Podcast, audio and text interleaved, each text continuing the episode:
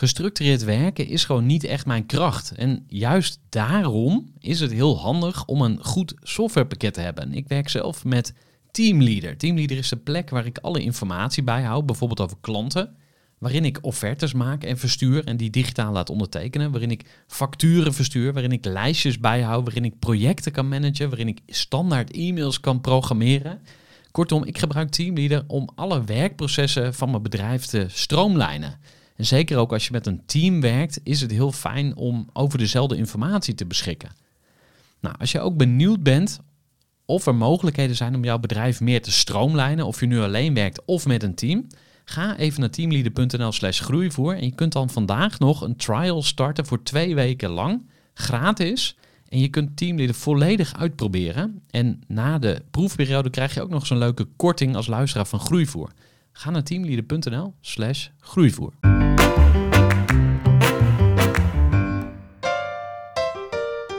Welkom bij de Groeivoer podcast. Mijn naam is Gerard Velde en ik help mensen groeien. In de Groeivoer podcast deel ik inspirerende verhalen en inzichten over groei. Je kunt luisteren naar interviews met toffe ondernemers en je hoort mijn eigen inzichten over geluk, succes en zingeving. En in deze aflevering van de Groeivoer podcast kun je luisteren naar een interview met Bastiaan Stafhorst. Bastiaan is oprichter en eigenaar van Stafhorst Jenever. Stafhorst is een begrip in Utrecht en omstreken.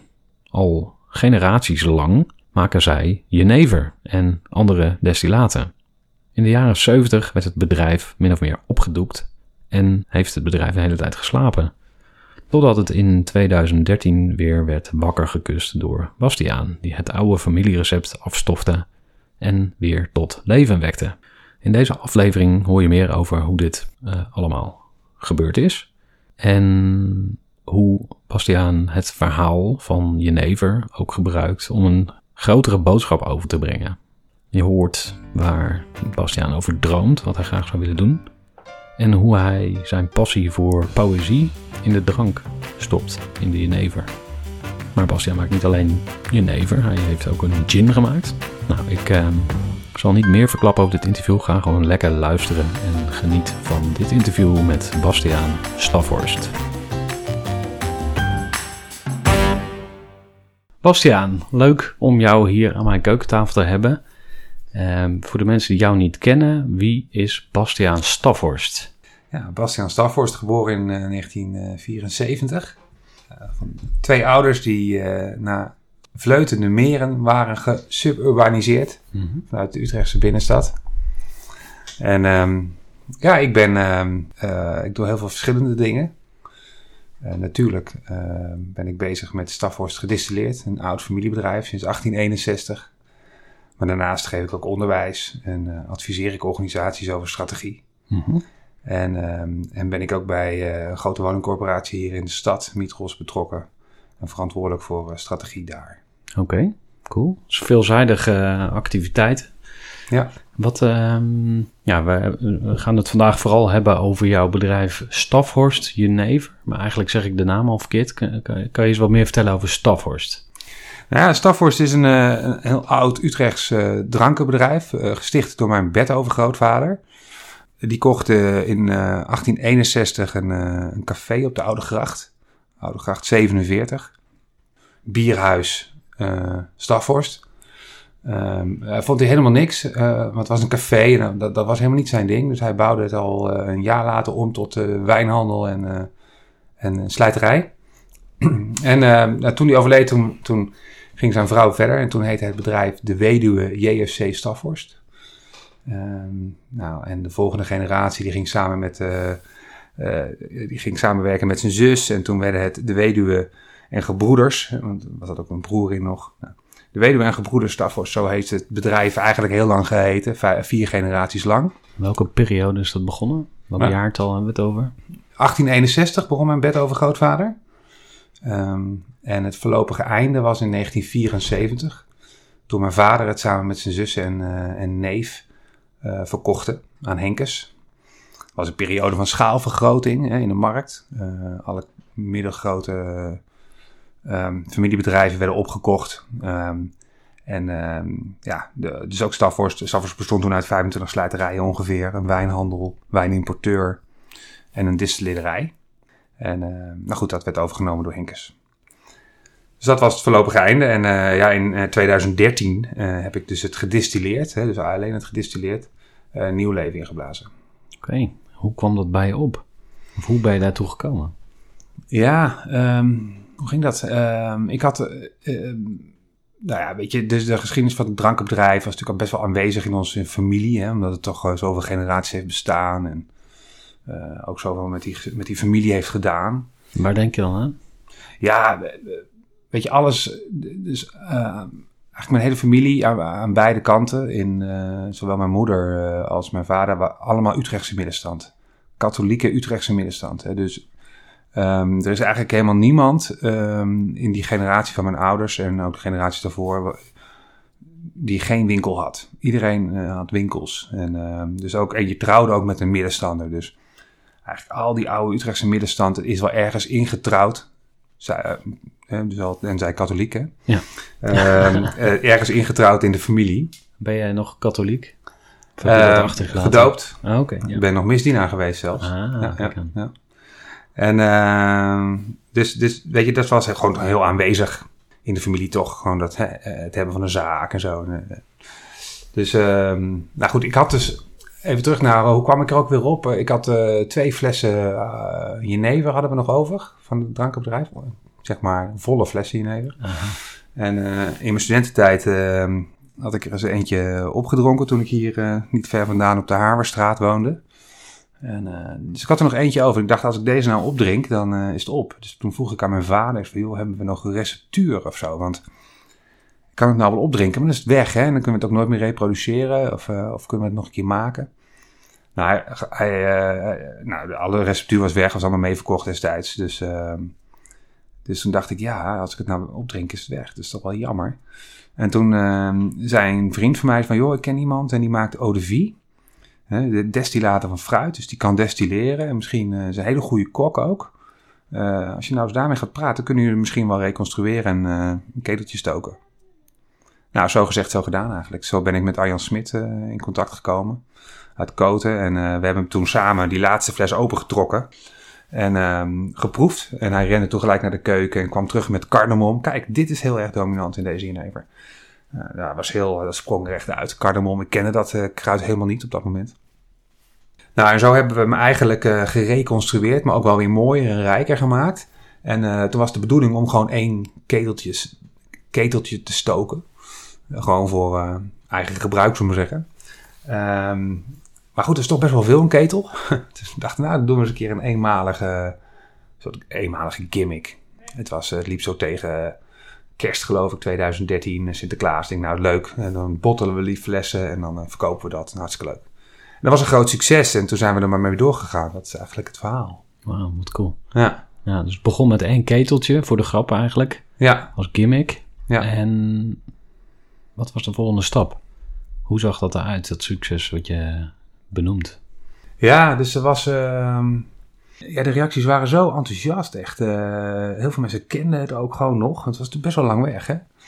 En uh, ik werd heel veel door mensen benaderd en de krant sprong erop. Uh, alle grote kranten ook. En, dus schreven erover en uh, dat was heel grappig. Dat deed ontzettend veel op een of andere manier. Ja. En ik had, kijk, vroeger als kind zeiden ze al tegen mij: uh, Oh, Starforst, ben je van de muziek of van de dittem? En dan maakten ze zo'n borrel dingetje ge, gebaar, weet je wel, dittem. Ja. En uh, zeg je: Nee, ja, zei ik als klein jochie: Nee, ik ben van de dittem. Mm -hmm. En dan, uh, maar later is dat natuurlijk weggegaan. En uh, oh, ben je van de muziek? Um, en dan legde ik altijd uit dat dat een broertje van mijn opa was. En, uh, maar goed, die muziek is ook eigenlijk al heel lang weg. Dus ik dacht, het is gewoon wel echt weg. Maar toen kwam het eigenlijk allemaal weer terug. Ja. Ook oud personeel van de firma ging zich melden. Goh, wat leuk dat je dit doet. Hè? De oude distillateur, de laatste distillateur van Staphorst. Nou, die, uh, die, ging, die meldde zich. Nou, ontzettend leuke contacten allemaal. Dus ja, dan weet je, dan kus je eigenlijk iets wakker of zo. Hè? Dus het is een heel uh, apart gevoel. Ja, we hebben hier natuurlijk ook uh, een paar jenevers op tafel staan. Want ik ben ook klant bij jou. Geef ik eerlijk toe.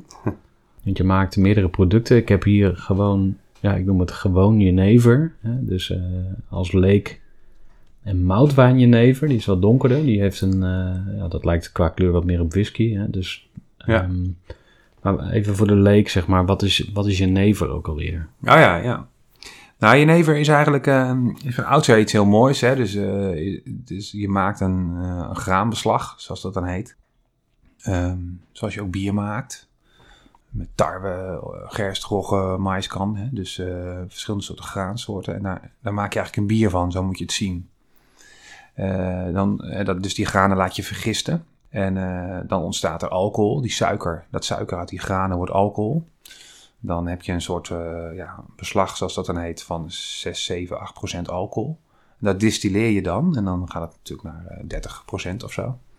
En dan voeg je de kruiden toe, hè, jeneverbes, cardamom in ons geval en nog een aantal andere dingen. En dan distilleer je nog een keer en dan heb je een zuiver destillaat van die granen en van, van de kruiden. Ja. En dat breng je dan terug naar een drinkbaar percentage. En bij ons is die jenever 35 procent. Ja. Dus het is eigenlijk een heel ambachtelijk mooi proces waar je echt begint met de graankorrel.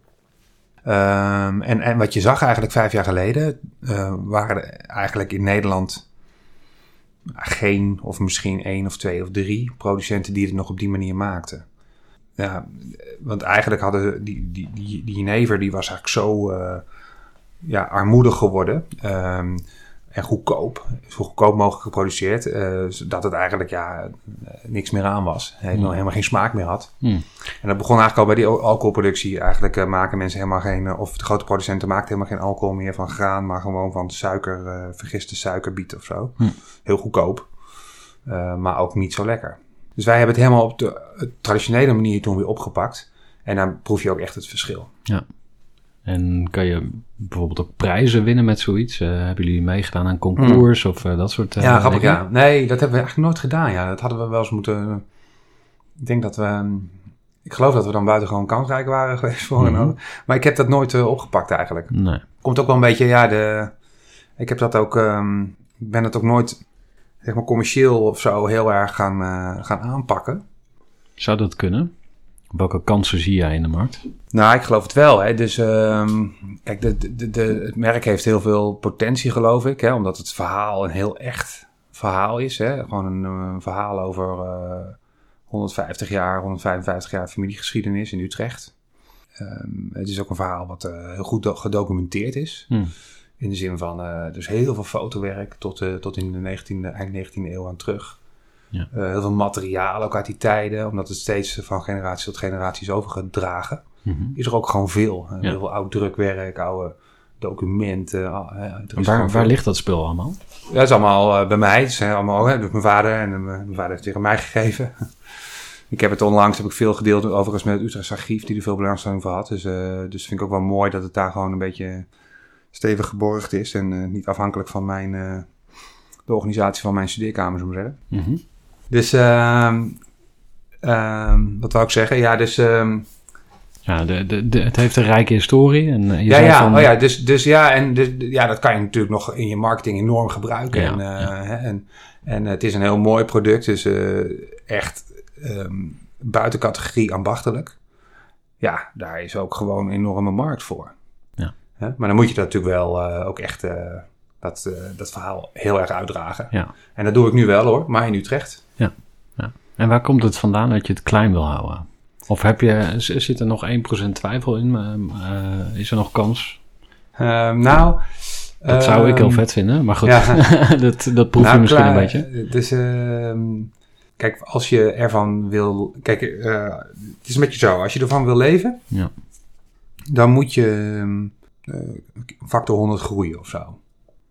En hoe ziet dat eruit? Want uh, moet als je het in volumes ja. uitdrukt, zeg ja, dan moet je gewoon veel meer verkopen. Nu verkoop ik een paar duizend flessen. En dan moet je echt gewoon uh, 100.000 plus uh, moet je echt, uh, moet je echt hm. doen om, om een beetje. Hè? Hm. Um, dat, dus, nou, en om dat te doen moet je ja, een veel professionele organisatie neerzetten. En moet je er ook helemaal voor gaan. Dus moet je ook helemaal vrij spelen voor alleen dat. En aangezien ik dus heel veel andere dingen ook doe die ik ook heel erg interessant vind, maak ik de afweging om te zeggen, nou weet je, op, dat, op die schaal van Utrecht kan ik het heel veel, kan ik die kwaliteit heel goed uh, bewaken en behouden, en het verhaal uitdragen en er mooie dingen omheen doen. Ja, en dan, uh, dat is voor mij uh, even oké. Okay. Ja. Dus dat, kijk, op zichzelf zou ik het helemaal niet erg vinden als het een veel groter bedrijf zou zijn, maar alleen, kijk, ik heb maar 24 uur in de dag. Ja. En um, ja, die kan ik maar één keer besteden. Mhm. Ja. Dus, eh, dus ja, ik- weet je, weet je ik, dus ik vind het heel erg leuk. Dus, ik heb een aantal van die, zeg maar, on- onze jenever, onze gelagerde jenever. Dat is echt prachtig, vind ik echt prachtige dranken. Die ben ik super trots Kan je op. hem even laten horen? Ja, Ja, hij zit nu in de fles. Schenk anders even een glaasje in. Misschien kan je er iets meer over, eh, misschien kan je er iets meer over vertellen. Nou ja, dit is dus een, eh, een jenever die is eh, gemaakt van eh, tarwe, gerst en, en rogge.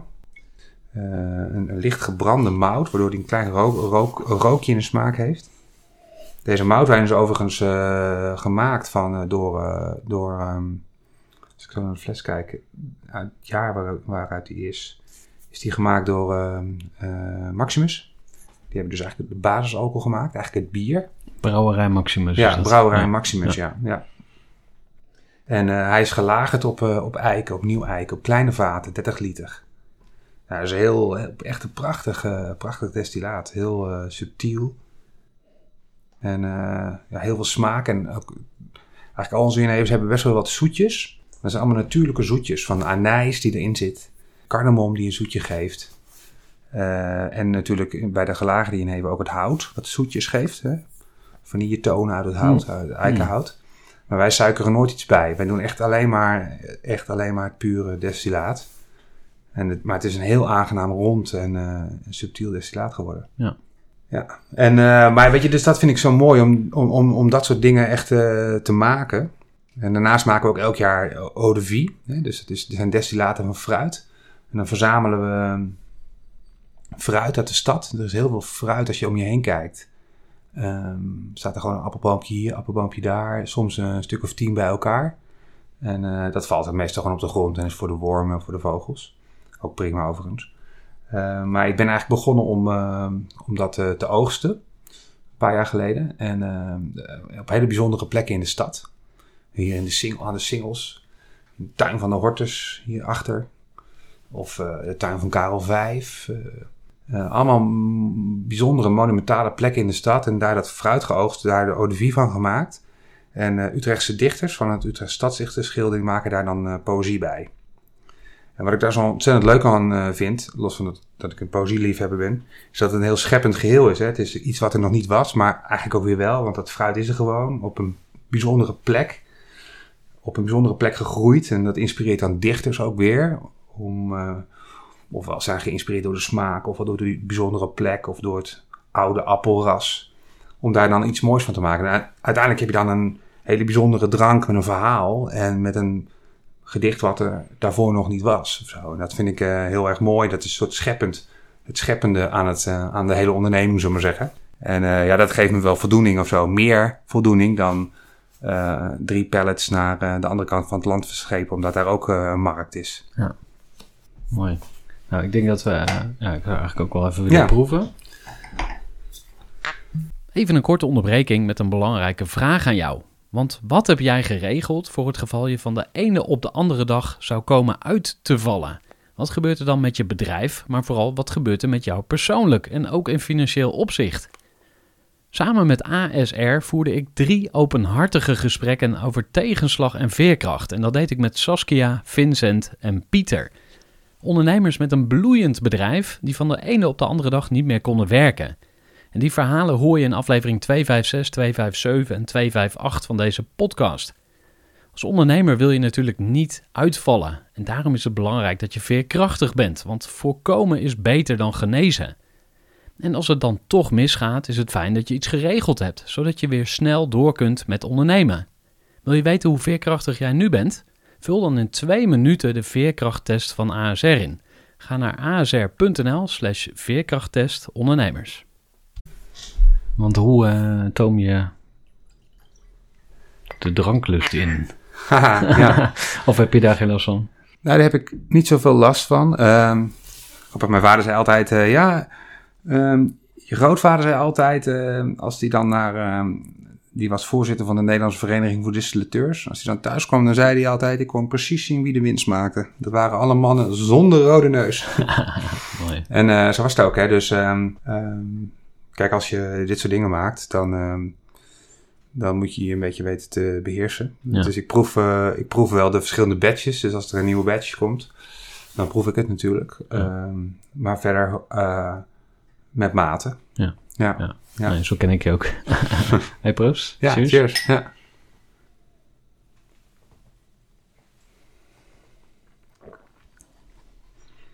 Ja. Ja, lekker. Kan het over datum gaan? Nee, in principe wordt het alleen maar beter, hè? Dus eh, ja. dat is echt wel zo, hoor. Overigens is het wel geinig als je daar... Toen, eh, toen we die jenever, ehm, eh, de eerste jenever uit, uit de ketel liep... Eigenlijk als je, als je hem stookt, hè, hij, is net ge- afgestookt... dan is hij heel wild, die jenever. En ehm, dat is eigenlijk ontzettend... Dat is eigenlijk een, dat, daar- daar is ook een markt voor, Gerhard. Voor wilde jenever. Ah, oké. Wauw. Eh, maar dan moet je hem dus echt eh, in de eerste maand na het stoken drinken. Eh, en dat is heel, en echt een hele bijzondere ervaring. Kijk, als je hem nu drinkt, hè, dan is het zo één ronde smaak of zo. Hè. En je kan er wel, als je goed proeft, dan kan je er dingen uithalen. Maar het is wel één geheel. Een jenever die net uit de ketel komt, is helemaal niet één geheel. Maar is eigenlijk is een hele rare sensatie. Hij komt in je mond en je proeft los van elkaar smaken. Dus alsof ze in, in, in vakjes zitten. En ook eh, die omste beurt open gaan. Dus Hmm. heel apart is dat. Hoe komt Hele dat? gekke. Ja, dat. eh, Chemisch proces Het is een chemisch eh, proces. Hmm. En eh, na verloop van tijd gaat het dus echt. Ja, krijgt, gaan ze in elkaar overvloeien. Ja. En, en, en, eh, en wordt het één geheel. Één, echt één smaak. Waar je nog steeds wel uithaalt dat er cardamom in zit. En jeneverbes en anijs. En... Alleen, eh, het is toch wel één ronde smaak geworden. Ja. Maar als die net uit de keten komt, zijn het verschillende smaken. Dat is Ja. een heel aparte ervaring. Dus een soort eh, ja, heel grappige smaakervaring is dat. Cool man. Hey, je hebt al best wel wat interviews gegeven, denk ik. Ja, ik heb er wel eens al eerder over verteld. Wat, Ja. je, wat is je beste herinnering aan zo'n interview? Of is er iets wat je nog nooit verteld hebt, wat je wel aan mij gaat vertellen? Nou, weet je, ehm, eh, wat, ik, wat bij mij ook altijd wel... ehm, ik hou heel erg van een glas, hè, maar ik heb ook wel eens, eh, als ik vroeger terugdacht aan... eh, of, of wat hadden over drankenbedrijf... dan had ik ook wel zoiets van, ja, maar het is me wat, toch ook wel zo'n drankenbedrijf. Want zeker in de, in, in, in de vroeger tijden, maar misschien ook nog steeds wel... is drank ook iets wat, eh, wat je niet licht moet nemen, zullen we zeggen. Dus ik heb ook wel eens gedacht van nou, dat zou toch eigenlijk niks voor mij zijn, een, eh, een drankenbedrijf. Want eigenlijk ben je toch ook, ehm, ehm, je faciliteert iets wat ook behoorlijk eh, verkeerd gebruikt kan worden door mensen. Waar mensen aan het onder kunnen gaan en zo. Dus dat heeft wel een beetje aan me genaagd van ja, wil ik dit nou eigenlijk wel aangaan? Want ja, is dit nou wel, eh, helpt dit eh, mensen nou wel verder of zo hè? Drank. Ehm, maar goed, ik, weet je, ik, ik concentreer me heel erg op eh, een soort van buitencategorie ambachtelijk. Hè? Dus het is ook. ehm, ehm, onze jenever is eh ten minste twee keer zo duur als alle andere jenevers. Hmm. Ja, wat kost een flesje? Wat zijn de vanafprijzen? Nou ja, ik zou zeggen ongeveer zo'n 25 euro, maar zijn halve liters. Eh, terwijl je kan natuurlijk gewoon eh hele goedkope jenever kopen. En dan eh, koop je een liter voor, nou wat zal het zijn, 15 of zo. Ja. Dus, ja. dus, maar goed, dus ik, heb, ik troost me altijd met de gedachte dat mensen met een drankprobleem eh, ehm, dan toch kiezen voor die goedkope. Ja, de echte alcoholisten die, die drinken geen stalvorst. Nee, dat zou ik, dat zou ik vervelend vinden. Eh, en ik geloof ook dat ze dan voor iets anders zouden kiezen. Eh, Heb je iets op de fles staan ook van eh, geniet, maar drink met mate of zo? Nee. Is dat verplicht? Of, eh, Nee, dat is, dat is volgens mij een, ehm, een, is een, een soort van gedragscode. Maar Ja. ja, dat zelfregulering of zo? Ja, en overigens zou ik daar niks op tegen hebben om het op te zetten. Maar ik heb me eigenlijk nooit verdiept in de wettelijke eisen omtrent Hm. etiketten. Dus er staat eigenlijk alleen maar op wat het is. En alles wat er eh, daarbij nog verplicht is, dat Ja. eh, moet ik nog een keer aanpakken. Ja, Ja. ja. Want hoe ziet jouw supportteam eh, eruit? Je hebt het over we, dus dat doe je samen met ja, partners waar je, waar je graag mee samenwerkt. Hoe zien die hoe Nou, natuurlijk de distributeur, hè? dus Arjan, die, die het uiteindelijk ook dus stookt. Ja. En, ehm, en Chris, die het, die het allemaal netjes afvult en, en etiketteert. En ja, ja, en ik, die eh, de rest doet, verkoop en eh, gewoon het hele merk Ja. onderhouden en alles wat daarbij hoort. Ja. Ehm, ja, dat is het eigenlijk wel. Ja. En Ja. hoe krijg je die flessen bij de klant? Dus hoe ziet je distributie eh, eruit? Nou, ehm, Waar verkoop je het? Ja, eigenlijk Utrecht doe ik, dus we verkopen bij zelfstandige slijters. Hè, dus een beetje, ja, slijters die, omdat ze zelfstandig zijn, zich willen onderscheiden ook. Hè? En eh, dus ook mooie, hele bijzondere producten willen verkopen en daar ook graag een mooi verhaal over vertellen. Dus daar verkopen we het. Dat zijn er in Utrecht helemaal niet zoveel. Een stuk of zes. En, ehm, en bij eh, horeca, dus ehm, cafés en restaurants. Ja. Begonnen eigenlijk eh, in het hele hoog segment. Dus sterrenrestaurants of iets wat er tegenaan zit. Dus ook buiten Utrecht wel. Ja, en, in Utrecht, eh, toen, zeker toen we met de gin ook begonnen. Veel in de horeca, dus ook gewoon cafés en zo waar ze de gin schenken. Dus, eh, en dat doe ik eigenlijk eh, in, in Utrecht. Breng ik het, zit wel, er zit wel een groothandel die het af en toe levert. En ook een, wat slijters die aan horeca leveren, die regelen dat. Maar af en toe breng ik zelf ook een doosje rond als ik door de stad fiets. Prima. Cool. Ja. Tof. En nou, je noemde het terloops even, de gin. Maar Ja. wat, wat is daar het verhaal van? Want gin, eh, Ja. als ik me goed herinner, is dat ook een, eh, op een gegeven moment een hype of een trend geworden. Ja. Je ziet natuurlijk heel veel van die trends ook in de eh, bierwereld. Hè? Van, eh, op een gegeven moment kwam de IPA op en toen de Saison. En ik weet niet waar we nu zitten, maar ehm, kijk je daarnaar? Wat zijn de trends? Of waar kan ik op inspelen? Ja. Of, of, Ja. of ben je trendsetter? Hoe zie, hoe zie je dat? Ja, nou, ik begin wel echt eh, bij wat ik zelf. eh, dus ik begin eigenlijk niet aan de kant van de markt, hè? Nee. Want eh, als ik aan de kant van de markt zou beginnen, zou ik nu wodka gaan verkopen. Dus er wordt heel veel eh, gedronken. Maar wodka is niet eh, interessant, hè? Het is natuurlijk gewoon pure graanalcohol. Waar ik verder helemaal niks meer van mezelf in, hoef, in hoef te leggen. Ook geen, geen familierecept hoef, hoef, naar boven hoef te toveren.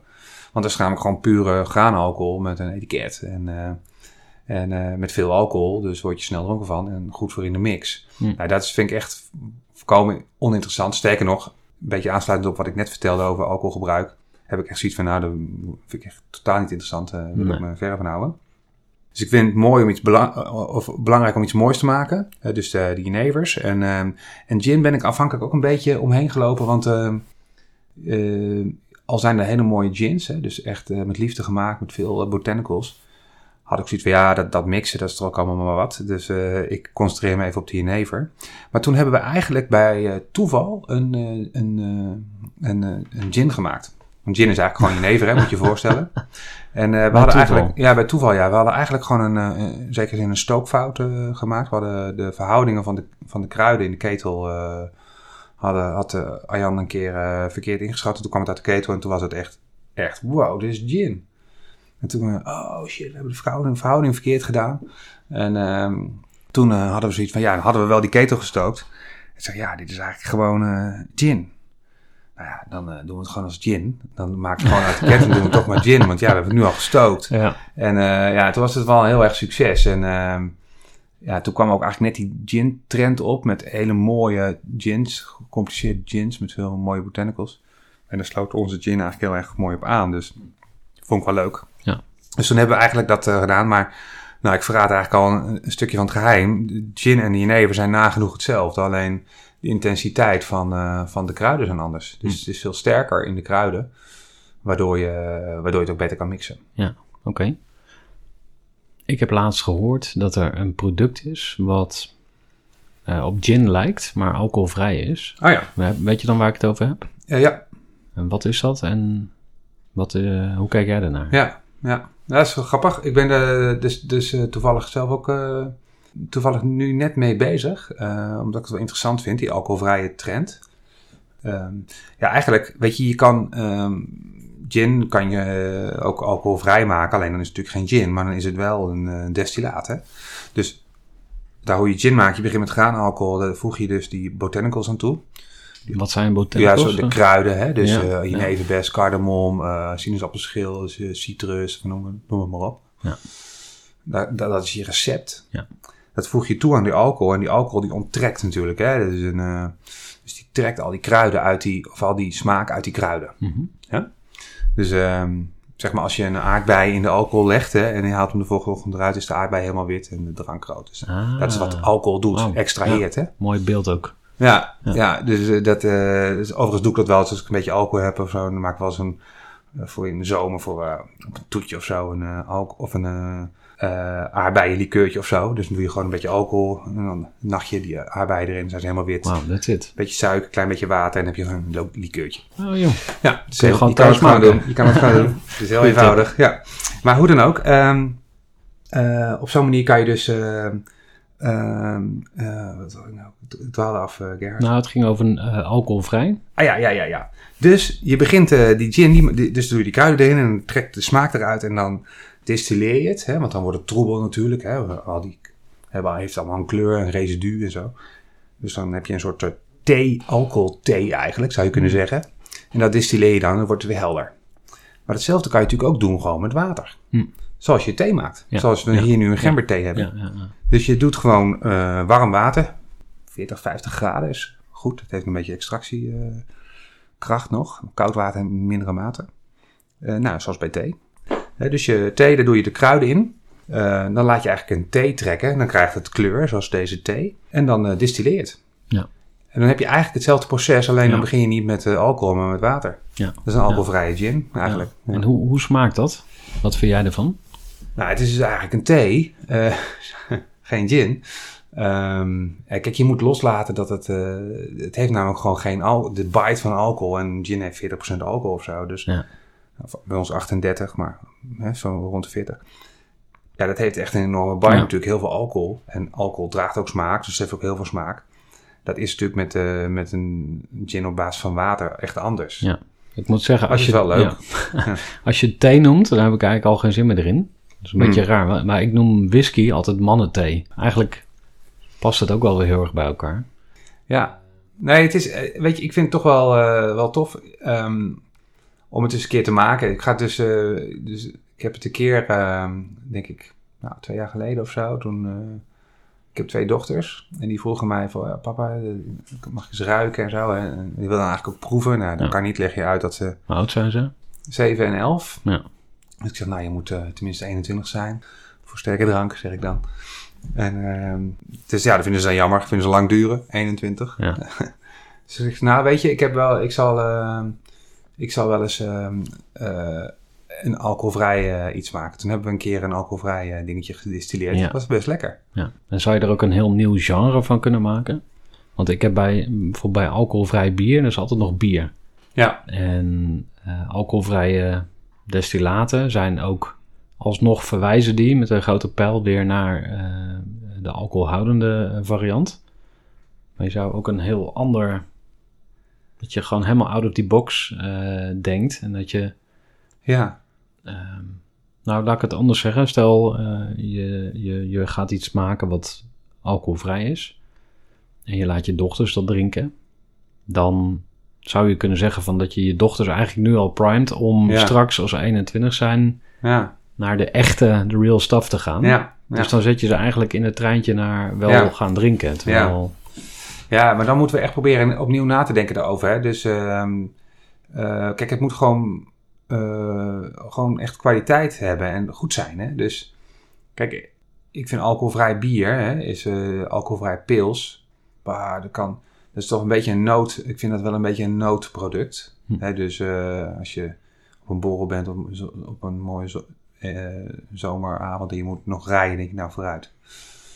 Hè? Dus dan, maar dan, dan drink ook je de dat. laatste jaren? Of, eh, Nou, ik vind nog steeds alcoholvrije pils vind ik nou niet echt dat je denkt wauw of zo Hm. hoor. mhm. Maar bijvoorbeeld eh, van onze Utrechtse collega's van de streek, eh, die hebben een IPA, Playground IPA. Ja, die is echt wel... ja, maar dat vind ik echt te gek. Dus daar ja. heb ik altijd een stuk of tien van in huis. Ja. En dat drink ik heel graag door de week. Want ik, s'avonds denk ik, goh, wat moet ik dus drinken? En ehm, nou, dan eh, op een gegeven moment ben je een beetje klaar met de thee. En dan drink ik dat heel graag. Want het heeft echt, het is echt een lekker, echt super lekkere drank. Dus het en- kan wel. Het kan echt wel, ja. Het kan echt wel. Maar je moet ook gewoon even loslaten dat je alcohol aan het drinken bent. Maar je zoekt toch gewoon een ander, iets anders. Eh, ja. Ja. wat kan je drinken? Ja. Koffie, Ja. nou, daar stop ik het op een gegeven moment mee. Dan Cola thee. is ook slecht. Of Ik vind tenminste, eigenlijk alle frisdranken gaan eigenlijk... Ja, de smaak verschillen. Ik vind het eigenlijk gewoon niet lekker. Ik vind allemaal zoek en zo. Ja. Dus wat kan je dan drinken? Nou, dan vind ik... Die IPA vind ik echt een, eh, echt een openbaring. Echt super lekker. Ja. Ja. En ehm, nou, zo zou je dus ook gewoon heel goed een, eh, een, een alcoholvrije cocktail... Ja. De- die zijn er overigens al heel lang natuurlijk. Kan, kan echt super lekker zijn. Nou, cocktail is een beetje bewerkelijk voor thuis. Maar als je een goede alcoholvrije gin zou hebben... Eh, en je doet het goed met gewoon een schijfje limoen. En dat is een lekker drankje, met name in de zomer. Dan kan dat prima. Ja, ja. Maar die techniek die wordt wel steeds beter om de alcohol eruit te halen ook. Hè? Dus eh nou, die gin die we dan hadden gemaakt, daar zat nooit alcohol in. Hè? Die maken we op basis van water. Ehm, maar je hebt ook dus die, zeg maar, die de-alcoholisatie-techniek, zeg maar. Ja. Waar ze met een vacuümtechniek de alcohol er weer uithalen. Nou, ik heb de- laatst een rode wijn gedronken. eh, een Syrah, die ze hadden gede-alcoholiseerd. En die vond ik echt... eh, ja, nogmaals, je moet niet denken dat je wijn drinkt. Het is namelijk iets anders. Maar het was wel een, goed, eh, een lekker glas eigenlijk. ja. Dus ik dacht, hé, hey, het is eigenlijk wel prima een keer op een, eh, op een woensdagavond Ja. of zo. ja. Nou, het zou cool zijn als we daar met z'n allen een nieuwe categorie voor kunnen bedenken. Ja, Eh, misschien gaat het nog een tijdje duren of zo, maar dat, dat het niet meer voelt als net niet, maar dat het gewoon volwaardig is in zijn eigen genre, zeg maar. Ja. Maar goed, ik weet niet of dat denkbaar is. ja. Ja, dat is, nou, ik zou het leuk vinden om daar eens eh, een bijdrage aan te leveren. Ja. Hè? Dus, eh, Cool. dus misschien ga ik dat wel eens doen, ja. Proberen in ieder geval. Ja, waarom Ja. niet? Ja. Ehm, hey, we hebben al best wel wat eh, gecoverd, maar ik ben ook nog wel benieuwd hoe jij kijkt naar destilleren als proces of denkwijze of metafoor voor teruggaan naar een bepaalde essentie. Mhm.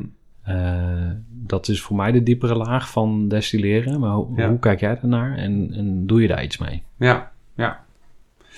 Ja, dat, eh, daar doe ik wel, wel wat mee. Hè. Dus ik vertelde je aan het begin, ik ben ook actief in, eh, in het onderwijs en, en advisering. En eigenlijk het scheikundig proces, het scheiden van elementen, is, is, dat is wat je doet met destilleren. Hè. Dus je scheidt wa- water en alcohol. Ja, dat is een hele me- mooie metafoor om bijvoorbeeld eh, ja, eh, problemen in organisaties of zo eh, te, te bestuderen en daarover te adviseren. Ja. Dus wat is er nou aan de orde? Wat zijn nou de verschillende elementen hier? En ja, daar kan je eigenlijk de, de, me- de metaforen van, van het scheikundig proces heel goed bij gebruiken. Ja. Dat doe ik ook wel. Ja. Ja. Dan kan je die nog eens wat verder uitdiepen? Nou ja, dus uiteindelijk dus, dus ehm, komen tot essentie. Hè? Dus als je, ehm, kijk, als je bijvoorbeeld fruit laat vergisten, dan heb je een enorme drap, dat is helemaal niks. Maar dat ziet er niet uit. En er zit dan 7, 8 procent alcohol in. En die alcohol, dat draagt echt de smaak van de alcohol. Dat is de essentie van die prut. En dat moet je eruit halen. En dan moet je, dat gaat niet in één keer. Hè? Eh, dat, dat, zoals je ook nooit de essentie van een probleem in één keer krijgt. Daar moet je geduld voor hebben. Moet je niet snel doen. Hè? Niet eh, hup, eh, opstoken, want dan komt dezelfde prut er weer uit. Eh, nee, je moet de, elementen langzaam scheiden. Moet je geduld voor hebben. Dus eh 80 graden, 81 graden. Ehm, eh, dan heb je in principe ehm, ehm, alcohol en water gescheiden. Maar dan zitten nog heel veel voezels bij en allerlei bijdingetjes en zo. Dus moet je eigenlijk gewoon nog een keer doen. Moet je de tijd en de rust voor nemen. Als je het stookt, is de eerste 10% giftig. Als je iets aan de kaak stelt in een organisatie en je gaat de, gaat de essentie van een probleem eh, benoemen, dan krijg je eerst alle shit. Dan krijg je eerst alle shit en dan moet je doorheen. En dan kom je bij de middenloop in het destillaat en daar zit de essentie. Dus daar zitten wel allemaal hele leuke ehm, parallellen te trekken. Ja. En uiteindelijk gaat het ook heel erg om ambachtelijkheid. Hè? Dus, eh, en de rust en de tijd om, eh, om die ambachtelijkheid ook echt tot wasdom te laten komen. En dat geldt denk ik ook voor, ja, voor adviseren in organisaties. Ja. Heb jij jouw verhaal al een keer op die manier uitgewerkt? Of heb je wel eens eh, hiervan iets op papier gezet of eh, op een andere Hmm. manier gebruikt in je werk? Ja, en wel gebruikt. Ehm, ook wel geprobeerd om het een keer eh, op papier te zetten, maar dan Ja. ontbreekt me dan toch ook wel weer net de tijd. Ja, dat kost gewoon tijd. Ja. snap ik. Ja, ik heb, er wel eens, ik, heb, ik heb er wel ergens in mijn computer daar ergens één of twee A4'tjes over. Maar Ja. ja. Ja, om het echt helemaal uit te werken en al die onderdelen ook van het stookproces te vertalen naar organisaties, dat, daar ben ik nog niet Nee. aan toegekomen. Nou, ik vind, eh, toen je net vertelde van ja, je moet het laten rijpen en zo. En eh, soms mislukt er ook een badge. En dan, Ja, of je bent een badge aan het maken en ineens krijg je iets totaal anders. Dus er zitten heel veel haakjes natuurlijk om, om verhalen te maken. ja, Maar om daar echt een leergang of een methode of een, bepaalde, eh, een bepaald programma van te bouwen, dat is natuurlijk, dat, dat kost eh, tijd. Daar moet je echt eh, Ja. goed over nadenken. ja, ja. Maar zou je, zoiets, zou je dat interessant vinden?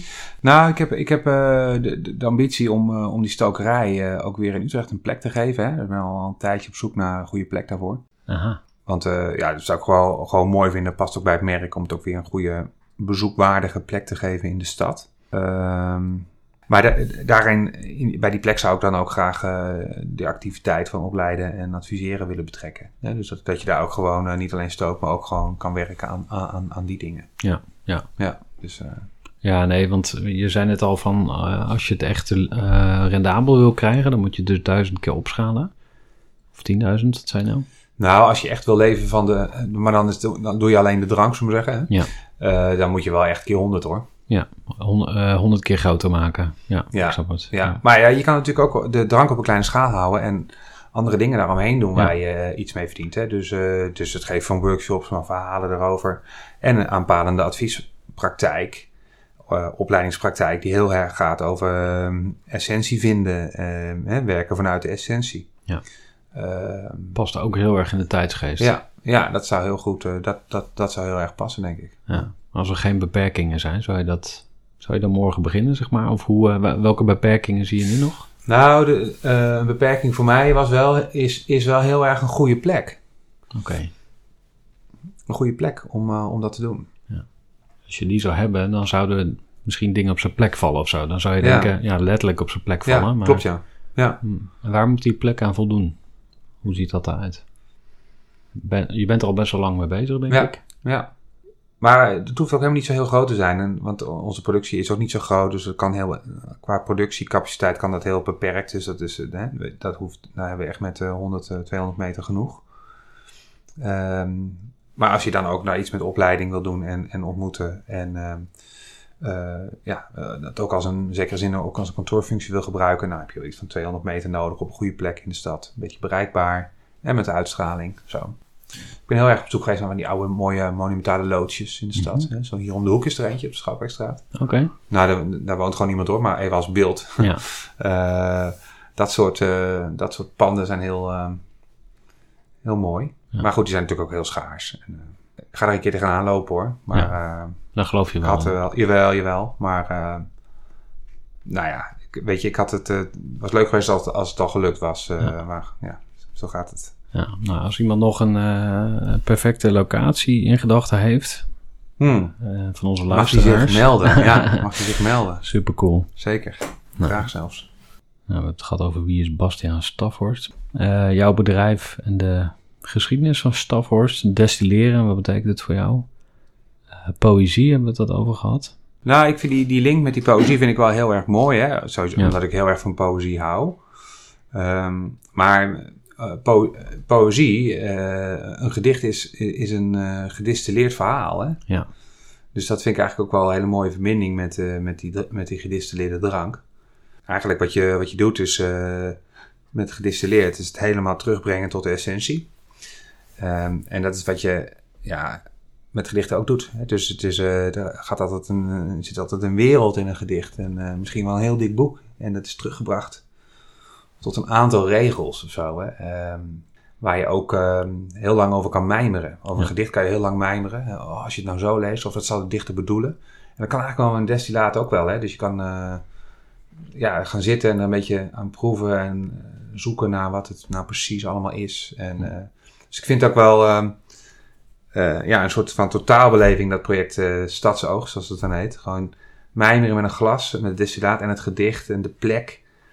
Ja, vind ik, eh, vind ik iets heel moois. En voor mij is het een hele geslaagde verbinding, eh, drank en poëzie. Ja, cool. In mijn beleving is poëzie ook iets voor eh, ja, belezen mensen. Hè? Dus een beetje elitair misschien. Maar heb je Ja. ook iets... Heb je daar wel eens Iets over nagedacht? wat meer toegankelijk. Wat, iets wat, wat meer toegankelijk is, bedoel je? Ja, omdat we het net ook hadden over je wil niet mensen aan de drank helpen. En dan denk ik meteen ook aan de arbeider die zijn loonzakje Ja. verzuipt aan het einde van de week. Ja. ja dus er is, daar is ook een connectie ergens. Ja. Ja, dat is echt een verschrikkelijk beeld. Hè? Dus eh, dat vind ik echt een verschrikkelijk beeld. Dus eh, voor mij zou het echt een nachtmerrie zijn om daar een bijdrage aan te leveren. Ja. En overigens is dat dus wel wat ook mijn voorvaderen hebben gedaan. Hè? Dus ook daar kwamen... Ik weet nog dat... eh, bij kon je natuurlijk jenever kopen. Hè? En, maar we hadden ook de, het eigen merk. Dat hadden we ook op vat. Dus dan kon je ook in maatjes kopen. Dus in kleine flesjes. Dus ja, maar wat de praktijk die erachter schuil gaat... is natuurlijk dat mensen nog maar een paar duppies hebben. En dan eh, toch voor kiezen omdat, nou heb ik nog net genoeg voor een maatje. Nou, dat is natuurlijk een verschrikkelijk verhaal. Ja. En eh, dat heb je wel gefaciliteerd. Dat vind ik, eh, vind ik zelf wel heel moeilijk. Daar zou ik in ieder geval zelf... eh, ehm, ja, ik ben ook wel eens benieuwd. Wel, wel kan niet. maar, maar met mijn grootvader of mijn overgrootvader daarover willen hebben of zo. Van, hoe keek je daar nou naar of zo? Hm. Dat eh, lijkt mij buitengewoon ongemakkelijk als je dat... eh, als dat kern ook, of in ieder geval een, eh, ook een effect is van jouw bedrijf of zo. Of een onderdeel van, van je verdienmodel. Ik eh, ben ook wel benieuwd, want er luisteren ook best wel veel ondernemers naar mijn podcast. Oké. Wat kunnen andere ondernemers van jou als ondernemer leren? Ja. Nou, ik weet niet zo of ze heel erg eh, van, veel van mij kunnen leren. Ehm, ook omdat ik natuurlijk... ehm, nou, laat ik zo zeggen. Mijn, het, het, het drankstuk is natuurlijk geen... ehm, is een parttime ondernemerschap. Hè? Eh, en in die zin ook een eh, makkelijk soort ondernemerschap. Want ik hoef van dat stukje niet te leven.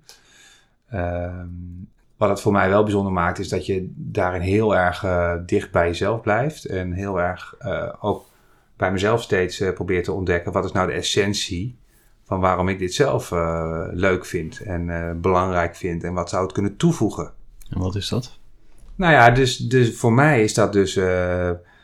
voor mezelf is het eh, ook weer een nieuwe invulling geven aan die familiegeschiedenis. Die, Ja. hè, dat, die lange lijn van eh, 1861. ehm, ehm, dat is, vind ik wel mooi. Dat vind ik gewoon mooi, omdat het zo dicht bij me ligt. Zo dicht in, mijn, zo in, de hart van, in het hart van mijn familie ligt.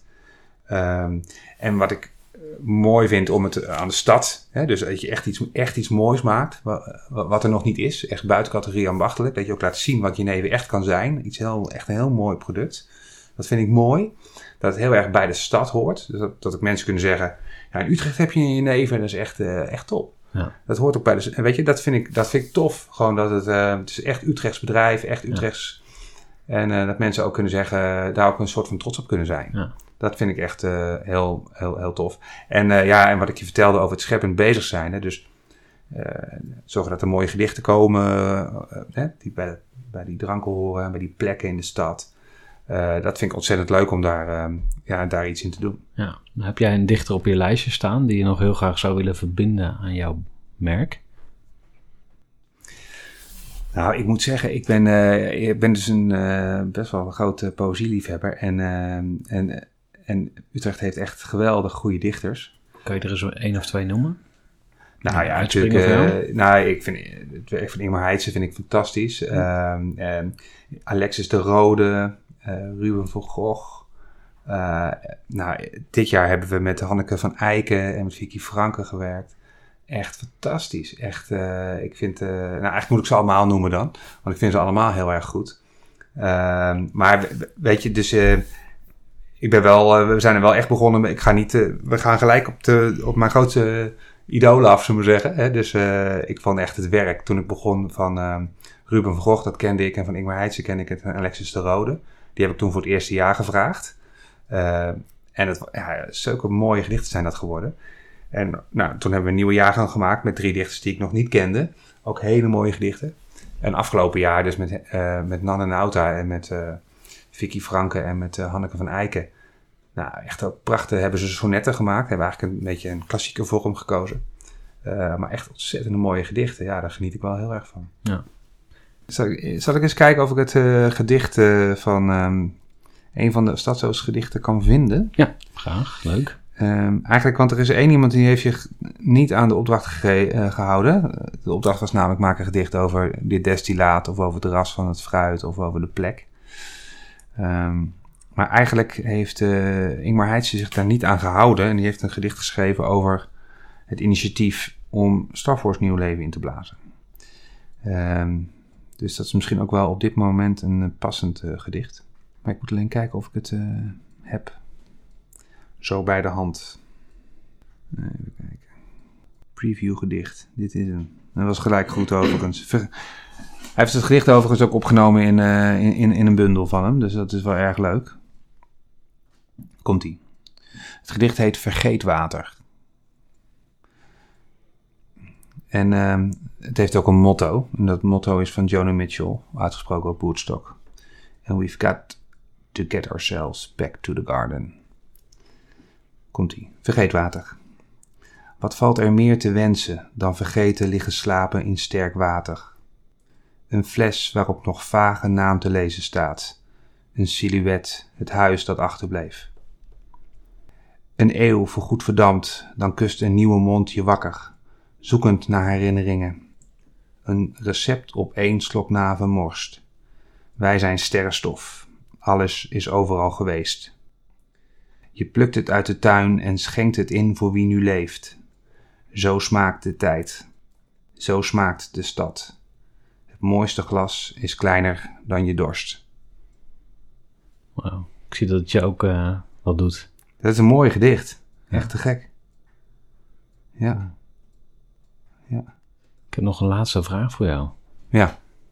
De volgende generatie Staphorst. Ha, ja. Hoe zie je dat? Nou, um, um, mijn vader heeft mij nooit echt op enige manier aangespoord om hier iets mee te doen. Um, sterker nog, hij schrok er een beetje van toen ik ermee aankwam. Uh, ja, wat ga je nou doen? En uh, joh, uh, dat haal je op de hals. Um, nee, mijn dochters, die moeten echt maar zelf weten wat ze ermee doen. En um, ik ben er helemaal oké mee als het dan op een gegeven moment ook weer gewoon ophoudt. ja, als ze er weer een nieuwe invulling voor vinden en ze, en, ze gebruiken het om ook leuke dingen te doen, dan is het ook hartstikke leuk. Um, maar zeker geen, uh, geen moedje. En um, ook zeker niet uh, moeten ze doen om, uh, om het familieverhaal hoog te houden of zo. Dat, vind, dat, zou ik, dat zou ik jammer van vinden als dat de motivatie is of zo. Ja. Dus gebruik het als je het kan gebruiken en er iets ja. moois uit kan halen. Ja. En anders niet. Ja, mooi. Dankjewel. Dank voor je tijd. Graag gedaan. En, uh, misschien ja, een uh, volgende alcoholvrije generatie stafworst. Ja, gaan we zien. Misschien gaan ze wel groot worden in de alcoholvrije ja. gin. Ja. Waar we dan een betere naam voor hebben ja. ja. Cool. Tof. Dankjewel. Yo, hoi. En zo sloten wij het interview af. En zit ik nog even na te genieten van de poëzie en inspiratie die ik van Bastiaan gekregen heb. Ik hoop dat je het leuk vond om naar deze aflevering te luisteren en dat je er iets uit gehaald hebt wat jou inspireert. Natuurlijk kun je jouw ideeën ook altijd aan anderen doorgeven om mensen die ook op zoek zijn of willen groeien verder te helpen. Je zou mij heel erg helpen als jij andere mensen over deze podcast wilt vertellen. En ook deze week hebben we weer een leuke winactie. En hoe kan het ook anders bij Staphorst? Je maakt kans op een fles Staphorst. Jenever, je mag kiezen of je gin wil of jenever. Ik hoop dat je genoten hebt en graag tot een volgende keer. Doei doei!